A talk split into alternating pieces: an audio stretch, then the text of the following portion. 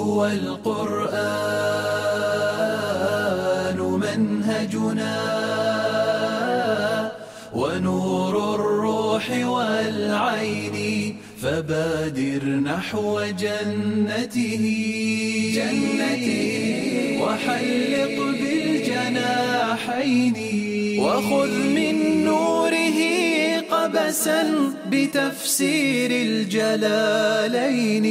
فأول سلم للفهم في سفر الإمامين.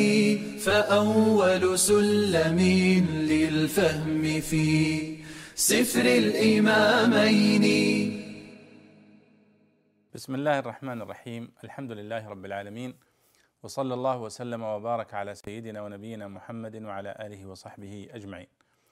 حياكم الله ايها الإخوة الكرام والأخوات الكريمات في هذا الدرس الجديد من دروس التعليق على تفسير الجلالين جلال الدين المحلي وجلال الدين السيوطي رحمهما الله تعالى.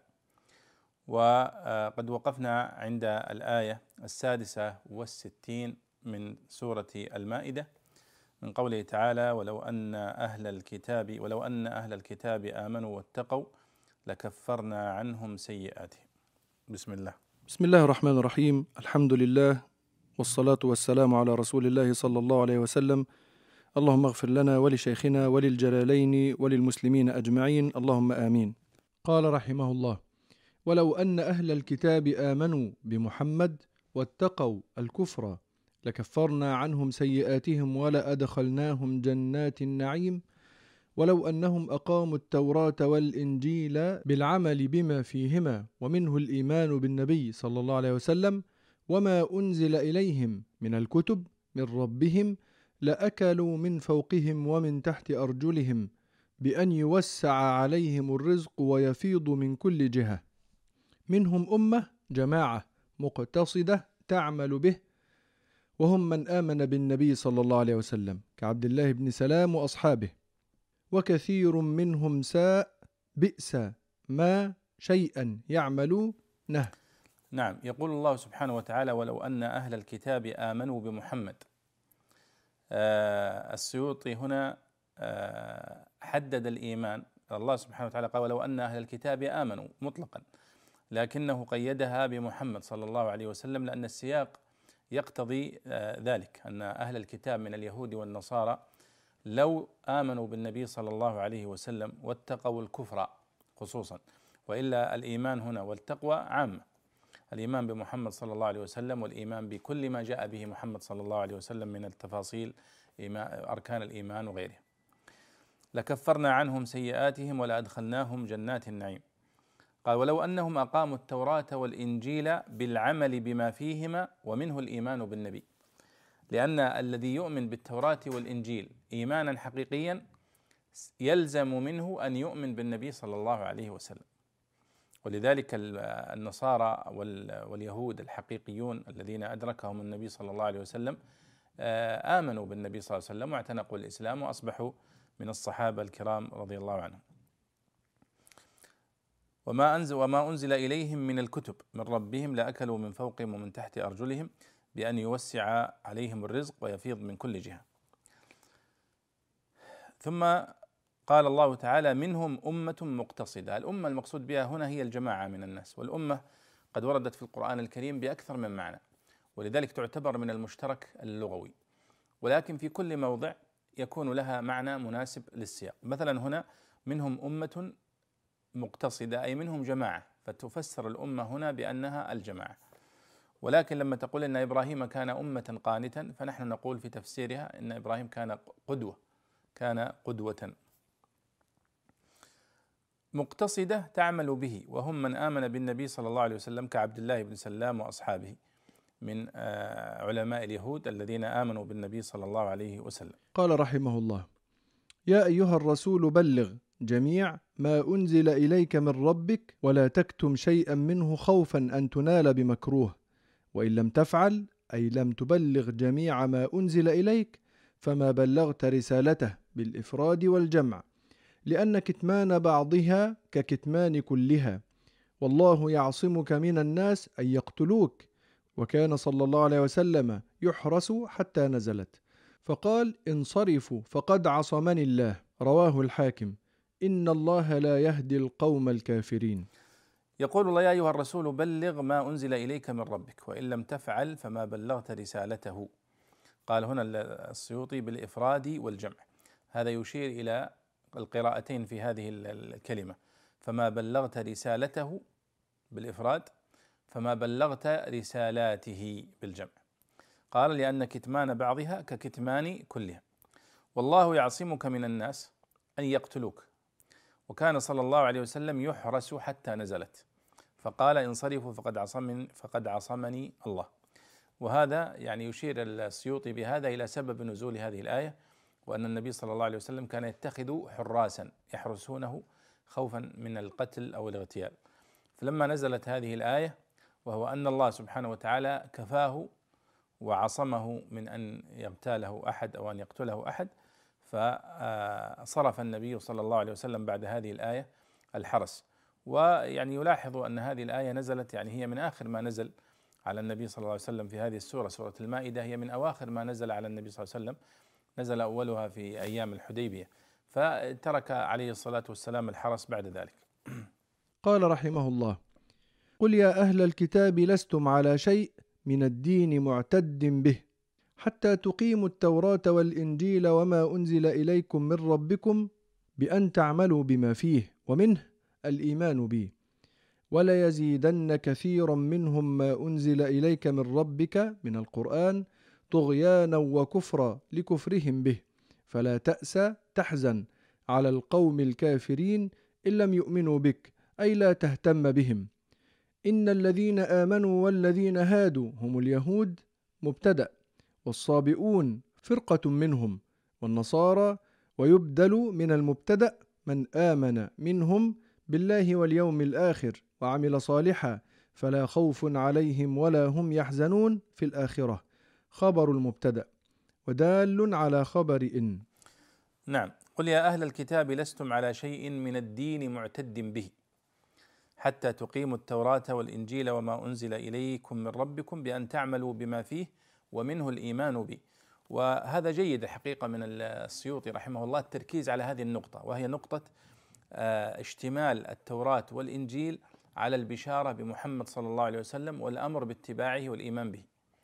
فهو يؤكد أنهم لو التزموا بالتوراة والإنجيل ومنها الإيمان بالنبي صلى الله عليه وسلم. هذه نقطة مهمة جدا لأن التوراة والإنجيل الموجودة اليوم محرفة تحريفا شديدا ومن أشد ما تعرض للتحريف فيها البشارة بالنبي صلى الله عليه وسلم. نعم.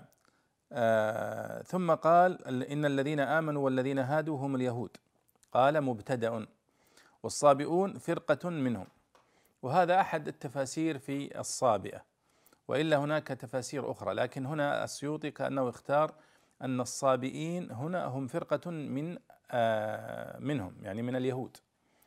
ولكن المشتهر عن في كتب التفسير أن الصابئة هم قوم كانوا يعبدون الكواكب.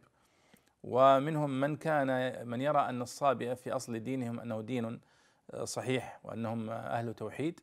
ولذلك الله سبحانه وتعالى ذكرهم في بعض الآيات في معرض يعني الثناء عليهم. لكن آه، صبأ في اللغة بمعنى انحرف أو مال مثل ألحد. ولذلك يقال صبأ فلان عن دينه يعني انحرف. فالصابئه هنا فسرها السيوطي بأنهم فرقة من اليهود. وهذا أحد التفسيرات وهذا يبدو الذي رجحه. وإن كان كما قلت لكم أكثر المفسرين على أنهم قوم كانوا يعبدون الكواكب. قال إن الذين آمنوا والذين هادوا والصابئون. والصابئون تلاحظون هنا فيها مسألة لم يتعرض لها هنا السيوطي. لماذا؟ لأنه يعني اقتصر اقتصد كثيرا في تفسير هذا واختصر يعني جدا. وإلا فهذا الموضع بالذات في سورة المائدة دائما موضع سؤال. وهو لماذا جاءت الصابئون هنا مرفوعة بالواو؟ آه، لأنها جمع مذكر سالم هنا. فإن الذين آمنوا والذين هادوا والصابئون. ومقتضى القاعدة النحوية أن يكون والصابئين والنصارى لأن آه، تكون آه، اسم إن اسم إن منصوب. لكن هنا والصابئون جاءت مرفوعة. فالمفسرون دائما يقولون أنها رفعت على الابتداء. وكأن هذا فيه نوع من لفت النظر إلى هذه الكلمة. كأنه يقول إن الذين آمنوا والذين هادوا و آه، ثم كأن يعني يريد أن يلفت النظر فرفع الصابئون حتى يلتفت إليها القارئ. قال والنصارى ويبدل فالسيوطي هنا آه، أعرب إن الذين آمنوا والذين هادوا وانها مبتدأ. وأن خبرها آه، فلا خوف عليهم ولا هم يحزنون. والصابئون تكون آه، مرفوعة هنا على الابتداء يعني آه، والاختصاص ويعني اختصاص هؤلاء بالعناية والاهتمام في أثناء تلاوة هذه الآية وقراءتها. قال رحمه الله لقد أخذنا ميثاق بني إسرائيل على الإيمان بالله ورسله وأرسلنا إليهم رسلا كلما جاءهم رسول منهم بما لا تهوى أنفسهم من الحق كذبوه فريقا منهم كذبوا وفريقا منهم يقتلون كزكرياء ويحيى والتعبير به دون قتلوا حكاية للحال الماضية للفاصلة. وحسبوا ألا تكون بالرفع وأن مخففة. والنصب فهي ناصبة أي تقع. فتنة عذاب بهم على تكذيب الرسل وقتلهم. فعموا عن الحق فلم يبصروه وصموا عن استماعه. ثم تاب عليهم لما تابوا ثم عموا وصموا ثم عموا وصموا ثانيا وكثير منهم بدل من الضمير. والله بصير بما يعملون فيجازيهم به.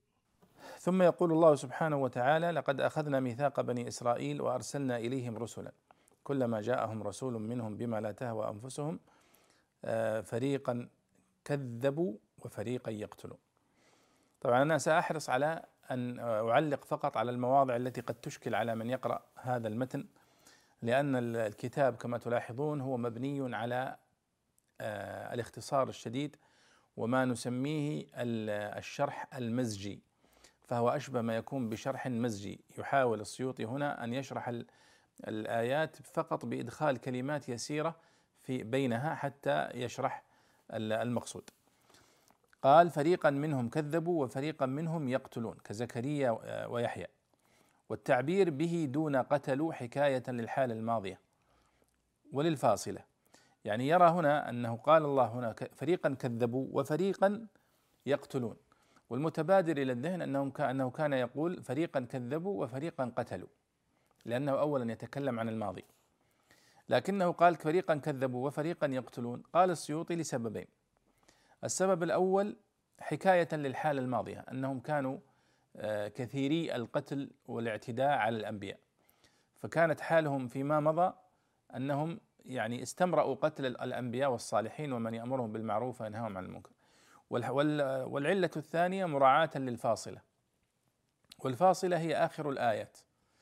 آه، مثلها في الشعر هي القافية وفي النثر السجعة وفي القرآن الكريم تسمى الفاصلة نهاية الآية.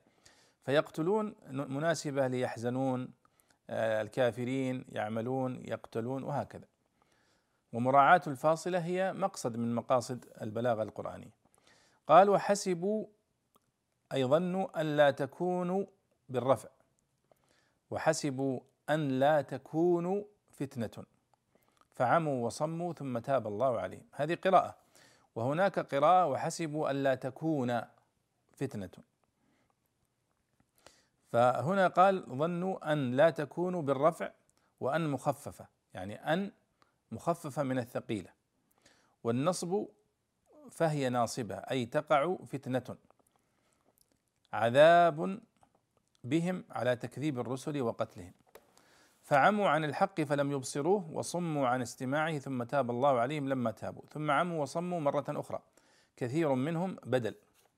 والله بصير بما يعملون فيجازيهم به.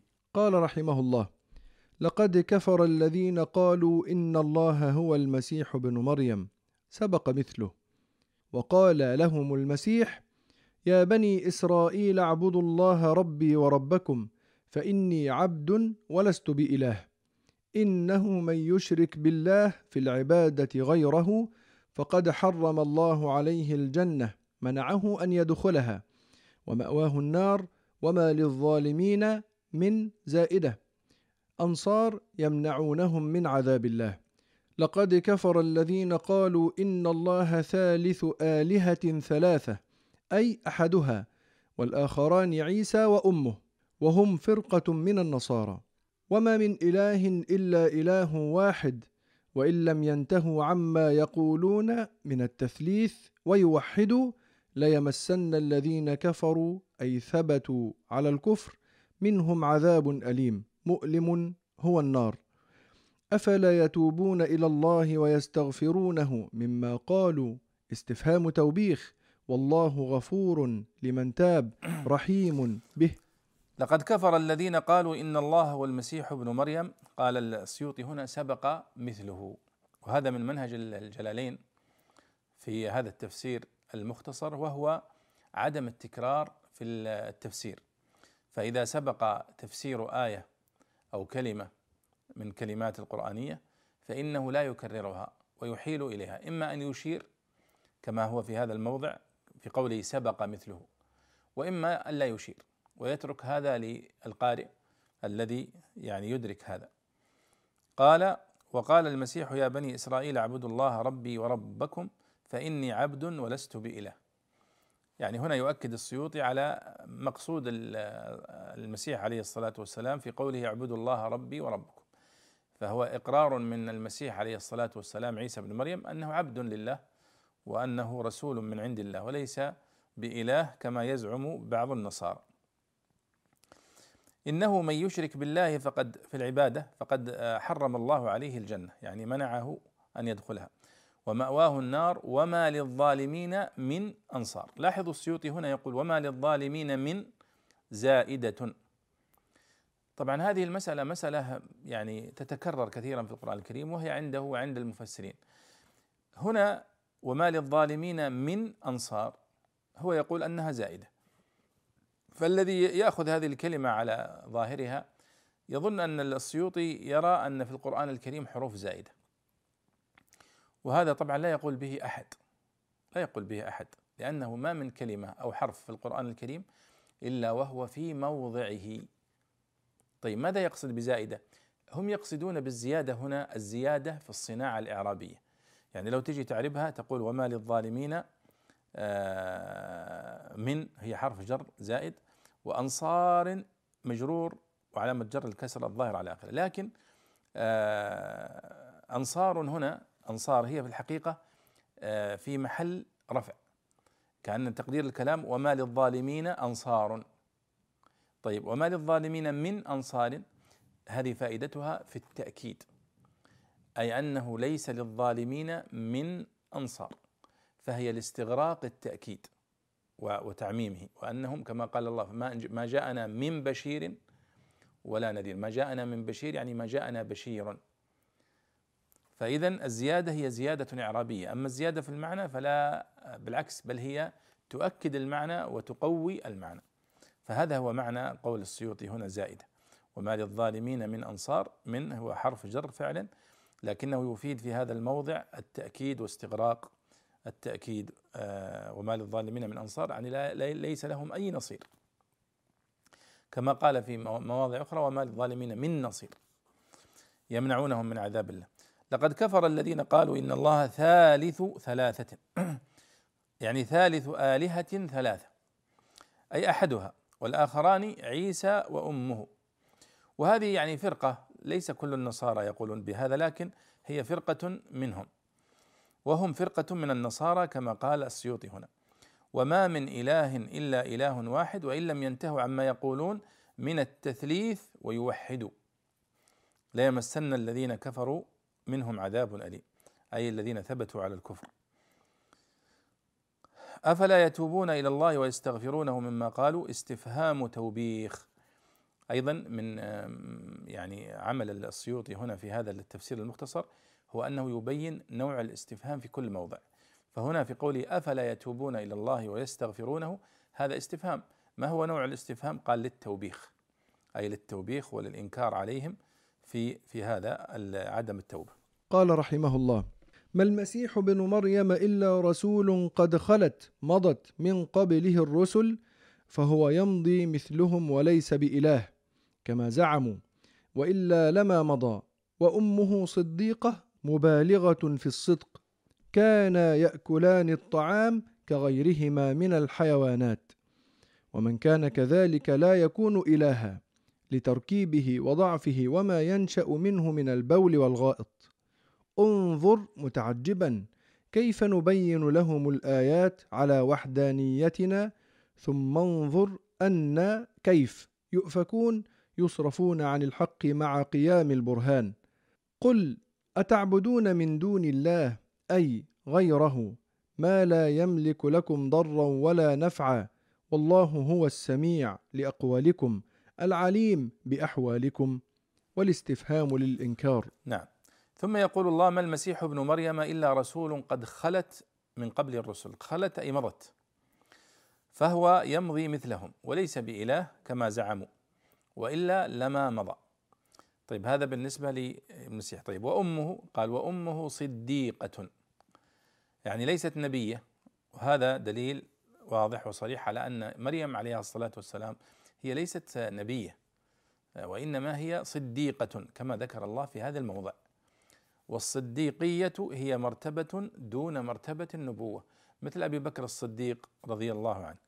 قال وأمه صديقة هي مبالغة في الصدق. كانا يأكلان الطعام. هذا الوصف الذي وصف الله به عيسى بن مريم وأمه مريم ابنة عمران الهدف منه بيان أنهما مثل غيرهما من البشر. كانا يأكلان الطعام ولكن هذا فيه كناية جميلة ومهذبة. قال كغيرهما من الحيوانات. هذا كلام السيوطي. ومن كان كذلك لا يكون إلها لتركيبه وضعفه وما ينشأ منه من البول والغائط. يعني معنى قوله كان يأكلان الطعام فيحتاجان إلى ما يحتاج إليه من يأكل الطعام ويشرب الشراب. فجاء بها بأسلوب مهذب ولم يقل غير ذلك. وهذا معناه أنهم يأكلان الطعام ويحتاجان إلى ما يحتاج إليه من يأكل الطعام والشراب فهما ليس بآلهة وإنما بشر. انظر كيف نبين لهم الآيات قال السيوطي انظر متعجبا. إذا هنا الأمر المقصود به التعجب. كيف نبين لهم الآيات على وحدانيتنا؟ ثم انظر أنا يؤفكون. أن هنا بمعنى كيف.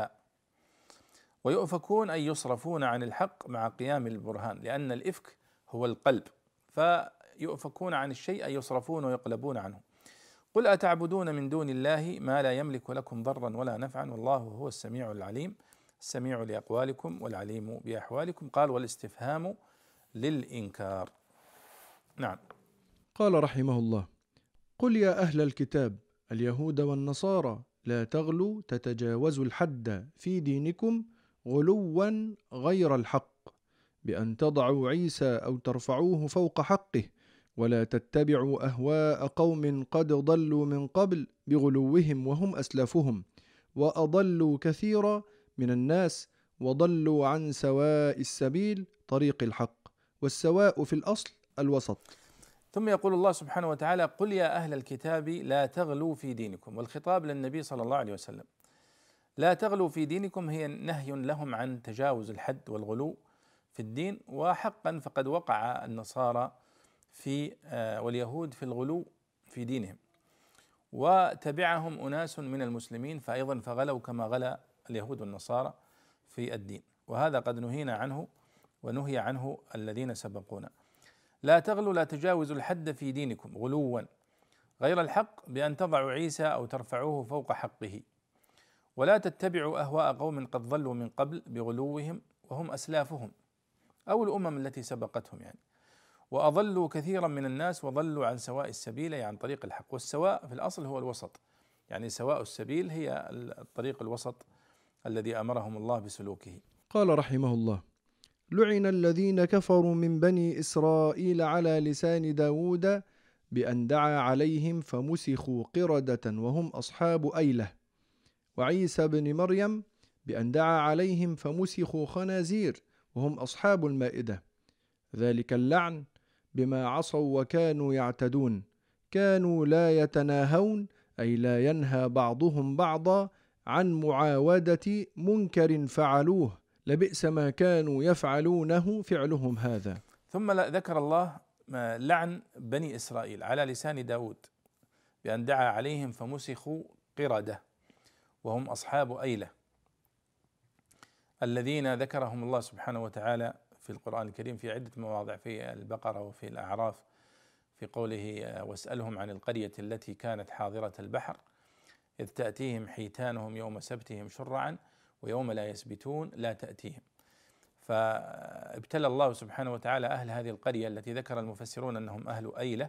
وكما ذكر السيوطي هنا أصحاب أيلة مدينة أيلة هي مدينة ساحلية على خليج العقبة. يعني هي اليوم هي مدينة العقبة الموجودة على رأس خليج أو في البحر الأحمر في الشمال آه، أنهم نهوا عن الصيد يوم السبت فقط. يوم السبت يحرم الصيد. أما بقية أيام الأسبوع فيجوز. ولكن وقعوا في ابتلاء وهو أنه لا يأتي السمك إلا يوم السبت فقط. أما بقية أيام الأسبوع فإنه لا يكاد يوجد السمك. فهم احتالوا بحيلة فوضعوا الشباك بشباك الصيد يوم الجمعة. وجاءوا لأخذها يوم الأحد. فهم يقولون نحن لم نصد يوم السبت لكن هذه حيلة آه، محرمة ومحاولة التفاف على أمر الله. فعاقبهم الله سبحانه وتعالى ومسخهم قردة. ثم ماتوا بعد ثلاثة أيام. فهذا معنى قوله لعن الذين كفروا من بني إسرائيل على لسان داود بأن دعا عليهم فمسخوا قردة وهم أصحاب أيلة. وهذا يعني إشارة إلى أن هذه القصة قد وقعت في زمن داود عليه الصلاة والسلام. قال على لسان داود وعيسى بن مريم بأن دعا عليهم فمسخوا خنازير وهم أصحاب المائدة. فهذه أيضا إشارة إلى أن عيسى عليه الصلاة والسلام عندما سألوه أن ينزل عليهم مائدة من السماء. فقال آه، يعني لو نزلت عليكم ثم لم تستجيبوا عوقبتم. فوقع منهم ذلك فدعا عليهم فمسخوا خنازير. طبعا هذا إشارة إلى اختيار السيوطي هنا. السيوطي الآن نحن نفسر الآية الآن رقم 77 تقريبا. وقصة المائدة سوف تأتي في آخر السورة. وهذه القصة سوف تأتي هل نزلت المائدة فعلا أم لم تنزل؟ لأن الله لم يذكر فيها أنها نزلت أو لم تنزل. فهناك خلاف بين المفسرين في هذه النقطة. كأن السيوطي هنا يستعجل الجواب لنا ويخبرنا بأن المائدة قد نزلت وأن هناك من لم يؤمن بها وأنه قد مسخ هؤلاء آه، خنازير كما دعا عليهم عيسى عليه الصلاة والسلام. قال وهم أصحاب المائدة. ذلك بما عصوا وكانوا يعتدون. يعني ذلك اللعن الذي وقع عليهم بما عصوا وكانوا يعتدون. كانوا لا يتناهون عن منكر فعلوه. لا يتناهون أي لا ينهى بعضهم بعضا عن المنكر. قال رحمه الله ترى يا محمد صلى الله عليه وسلم كثير منهم يتولون الذين كفروا من أهل مكة بغضا لك لبئس ما قدمت لهم أنفسهم من العمل لمعادهم الموجب لهم أن سخط الله عليهم وفي العذاب هم خالدون ولو كانوا يؤمنون بالله والنبي محمد صلى الله عليه وسلم وما انزل اليه ما اتخذوهم اي الكفار اولياء ولكن كثيرا منهم فاسقون خارجون عن الايمان. ترى يا محمد كثيرا منهم يتولون الذين كفروا من أهل مكة. بغضا لك. لبئس ما قدمت لهم أنفسهم من العمل لمعادهم الموجب لهم. أن سخط الله عليهم. كأن هذه الآية تشير إلى موالاه اليهود أو النصارى لمشركي قريش واتفاقهم ومعاداتهم للنبي صلى الله عليه وسلم مع علمهم طبعا يعني إشارة إلى أن هؤلاء اليهود والنصارى يعلمون علم اليقين بأنك رسول من عند الله وبالرغم من ذلك يناوئونك ولا يستجيبون لك. نعم. قال رحمه الله: لتجدن يا محمد أشد الناس عداوة للذين آمنوا اليهود والذين أشركوا من أهل مكة لتضاعف كفرهم وجهلهم وانهماكهم في اتباع الهوى. ولتجدن أقربهم مودة للذين آمنوا الذين قالوا إنا نصارى. ذلك أي قرب مودتهم للمؤمنين بأن بسبب أن منهم قسيسين علماء ورهبان عبادا وأنهم لا يستكبرون عن اتباع الحق كما يستكبر اليهود وأهل مكة. نزلت في وفد النجاشي القادمين عليه من الحبشة. قرأ صلى الله عليه وسلم عليهم سورة ياسين فبكوا وأسلموا. وقالوا ما أشبه هذا بما كان ينزل على عيسى. قال تعالى وإذا سمعوا ما أنزل إلى الرسول من القرآن ترى أعينهم تفيض من الدمع مما عرفوا من الحق يقولون ربنا آمنا صدقنا نبيك وكتابك. فاكتبنا مع الشاهدين المقرين بتصديقهما. وقالوا في جواب من عيرهم بالإسلام من اليهود ما لنا لا نؤمن بالله وما جاءنا من الحق. القرآن أي لا مانع لنا من الإيمان مع وجود مقتضيه. ونطمع عطف على نؤمن أن يدخلنا ربنا مع القوم الصالحين المؤمنين الجنة. قال تعالى فأثابهم الله بما قالوا جنات تجري من تحتها الأنهار خالدين فيها وذلك جزاء المحسنين بالإيمان. والذين كفروا وكذبوا بآياتنا أولئك أصحاب الجحيم. يقول لتجدن أشد الناس عداوة للذين آمنوا اليهود. يعني يا محمد الخطاب للنبي صلى الله عليه وسلم. والذين أشركوا من أهل مكة ومن غيرهم لتضاعف كفرهم وجهلهم وانهماكهم في اتباع الهوى. فهو يعني تنبيه للنبي صلى الله عليه وسلم إلى أن هؤلاء اليهود وهؤلاء المشركون هم أشد الناس عداوة لدينك ولك. ولتجدن أقربهم مودة للذين آمنوا الذين قالوا إنا نصارى. لماذا؟ قال ذلك بأن منهم قسيسين. أي عن قرب مودتهم للمؤمنين بأن يعني بسبب أن منهم قسيسين. والقسيسين هو جمع قسيس وهم علماء النصارى. ورهبانا الرهبان هم العباد الذين انقطعوا للعبادة وأنهم لا يستكبرون عن اتباع الحق كما يستكبر اليهود وأهل مكة. طبعا قد يقول قائل إن هل هذا عام في كل النصارى؟ فالجواب لا. الجواب لا لأنه قد يوجد في النصارى من هو شديد العداوة والتكذيب للنبي صلى الله عليه وسلم ولذلك يقول السيوطي هنا نزلت في وفد النجاشي القادمين عليه من الحبشة. قرأ النبي صلى قرأ صلى الله عليه وسلم عليهم سورة ياسين فبكوا وأسلموا. وقالوا ما أشبه هذا بما كان ينزل على عيسى. فلذلك اذا هذه الآية اذا المقصود بها هذا الوفد بالذات الذين نزل الذين جاءوا إلى النبي صلى الله عليه وسلم. وإذا سمعوا ما أنزل إلى الرسول يعني من القرآن ترى أعينهم تفيض من الدمع مما عرفوا من الحق. يقولون ربنا آمنا فاكتبنا مع الشاهدين. يعني هؤلاء الوفد الذين جاءوا إلى النبي صلى الله عليه وسلم وقع منهم هذا. وآمنا بك يعني صدقنا بنبيك وصدقنا بكتابك. فاكتبنا مع الشاهدين أي المقرين المؤمنين بتصديقهما. وقالوا ما لنا لا نؤمن بالله وما جاءنا من الحق. يعني في هناك من عيرهم باستجابتهم للإسلام سواء من اليهود أو من غيرهم عيروهم بهذا. فقالوا لهم على وجه الاستنكار والاستغراب وما لنا لا نؤمن بالله وما جاءنا من الحق. يعني القرآن أي لا مانع لنا من الإيمان مع وجود مقتضيه ونطمع أن يدخلنا ربنا مع القوم الصالحين. يعني نطمع آه، أن يغفر الله لنا ما تقدم من ذنوبنا ويدخلنا مع القوم الصالحين المؤمنين الذين آمنوا بهذا القرآن وآمنوا بالنبي صلى الله عليه وسلم أن يدخلنا معهم الجنة.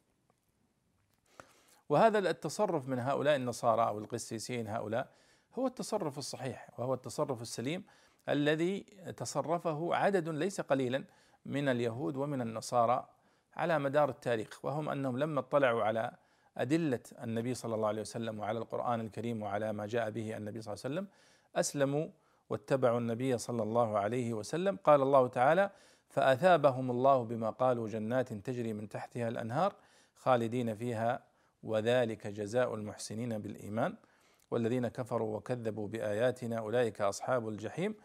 ثم قال و آه، لما يا أيها الذين آمنوا لا تحرموا طيبات ما أحل الله لكم نزل فيها قال السيوطي ونزل لما هم قوم من الصحابة أن يلازموا الصوم والقيام ولا يقربوا النساء والطيب ولا يأكلوا اللحم ولا يناموا على الفراش. يا أيها الذين آمنوا لا تحرموا طيبات ما أحل الله لكم ولا تعتدوا أي تتجاوزوا أمر الله إن الله لا يحب المعتدين. وكلوا مما رزقكم الله حلالا طيبا آه، مفعول والجار والمجرور قبله حال متعلق به واتقوا الله الذي أنتم به مؤمنون. يعني يشير السيوطي إلى أن هذه الآية نزلت في هؤلاء الذين أرادوا أن ينقطعوا للعبادة فجاءت هذه الآية لكي تبين لهم أنه لا يجوز لهم أن يحرموا ما أحل الله وأنه ينبغي لهم أن يأكلوا وأن يتمتعوا مع قيامهم بواجباتهم في العبادة وفي غيرها. ولعلنا نكتفي بهذا في هذا المجلس ونواصل إن شاء الله التعليق على هذا التفسير النفيس تفسير الجلالين في الدرس القادم وصلى الله وسلم على سيدنا ونبينا محمد وعلى آله وصحبه أجمعين. هو القرآن منهجنا ونور الروح والعين فبادر نحو جنته. جنته وحلق بالجناحين. وخذ من نوره قبسا بتفسير الجلالين. فأول سلم للفهم في سفر الإمامين. فأول سلم للفهم في سفر الإمامين.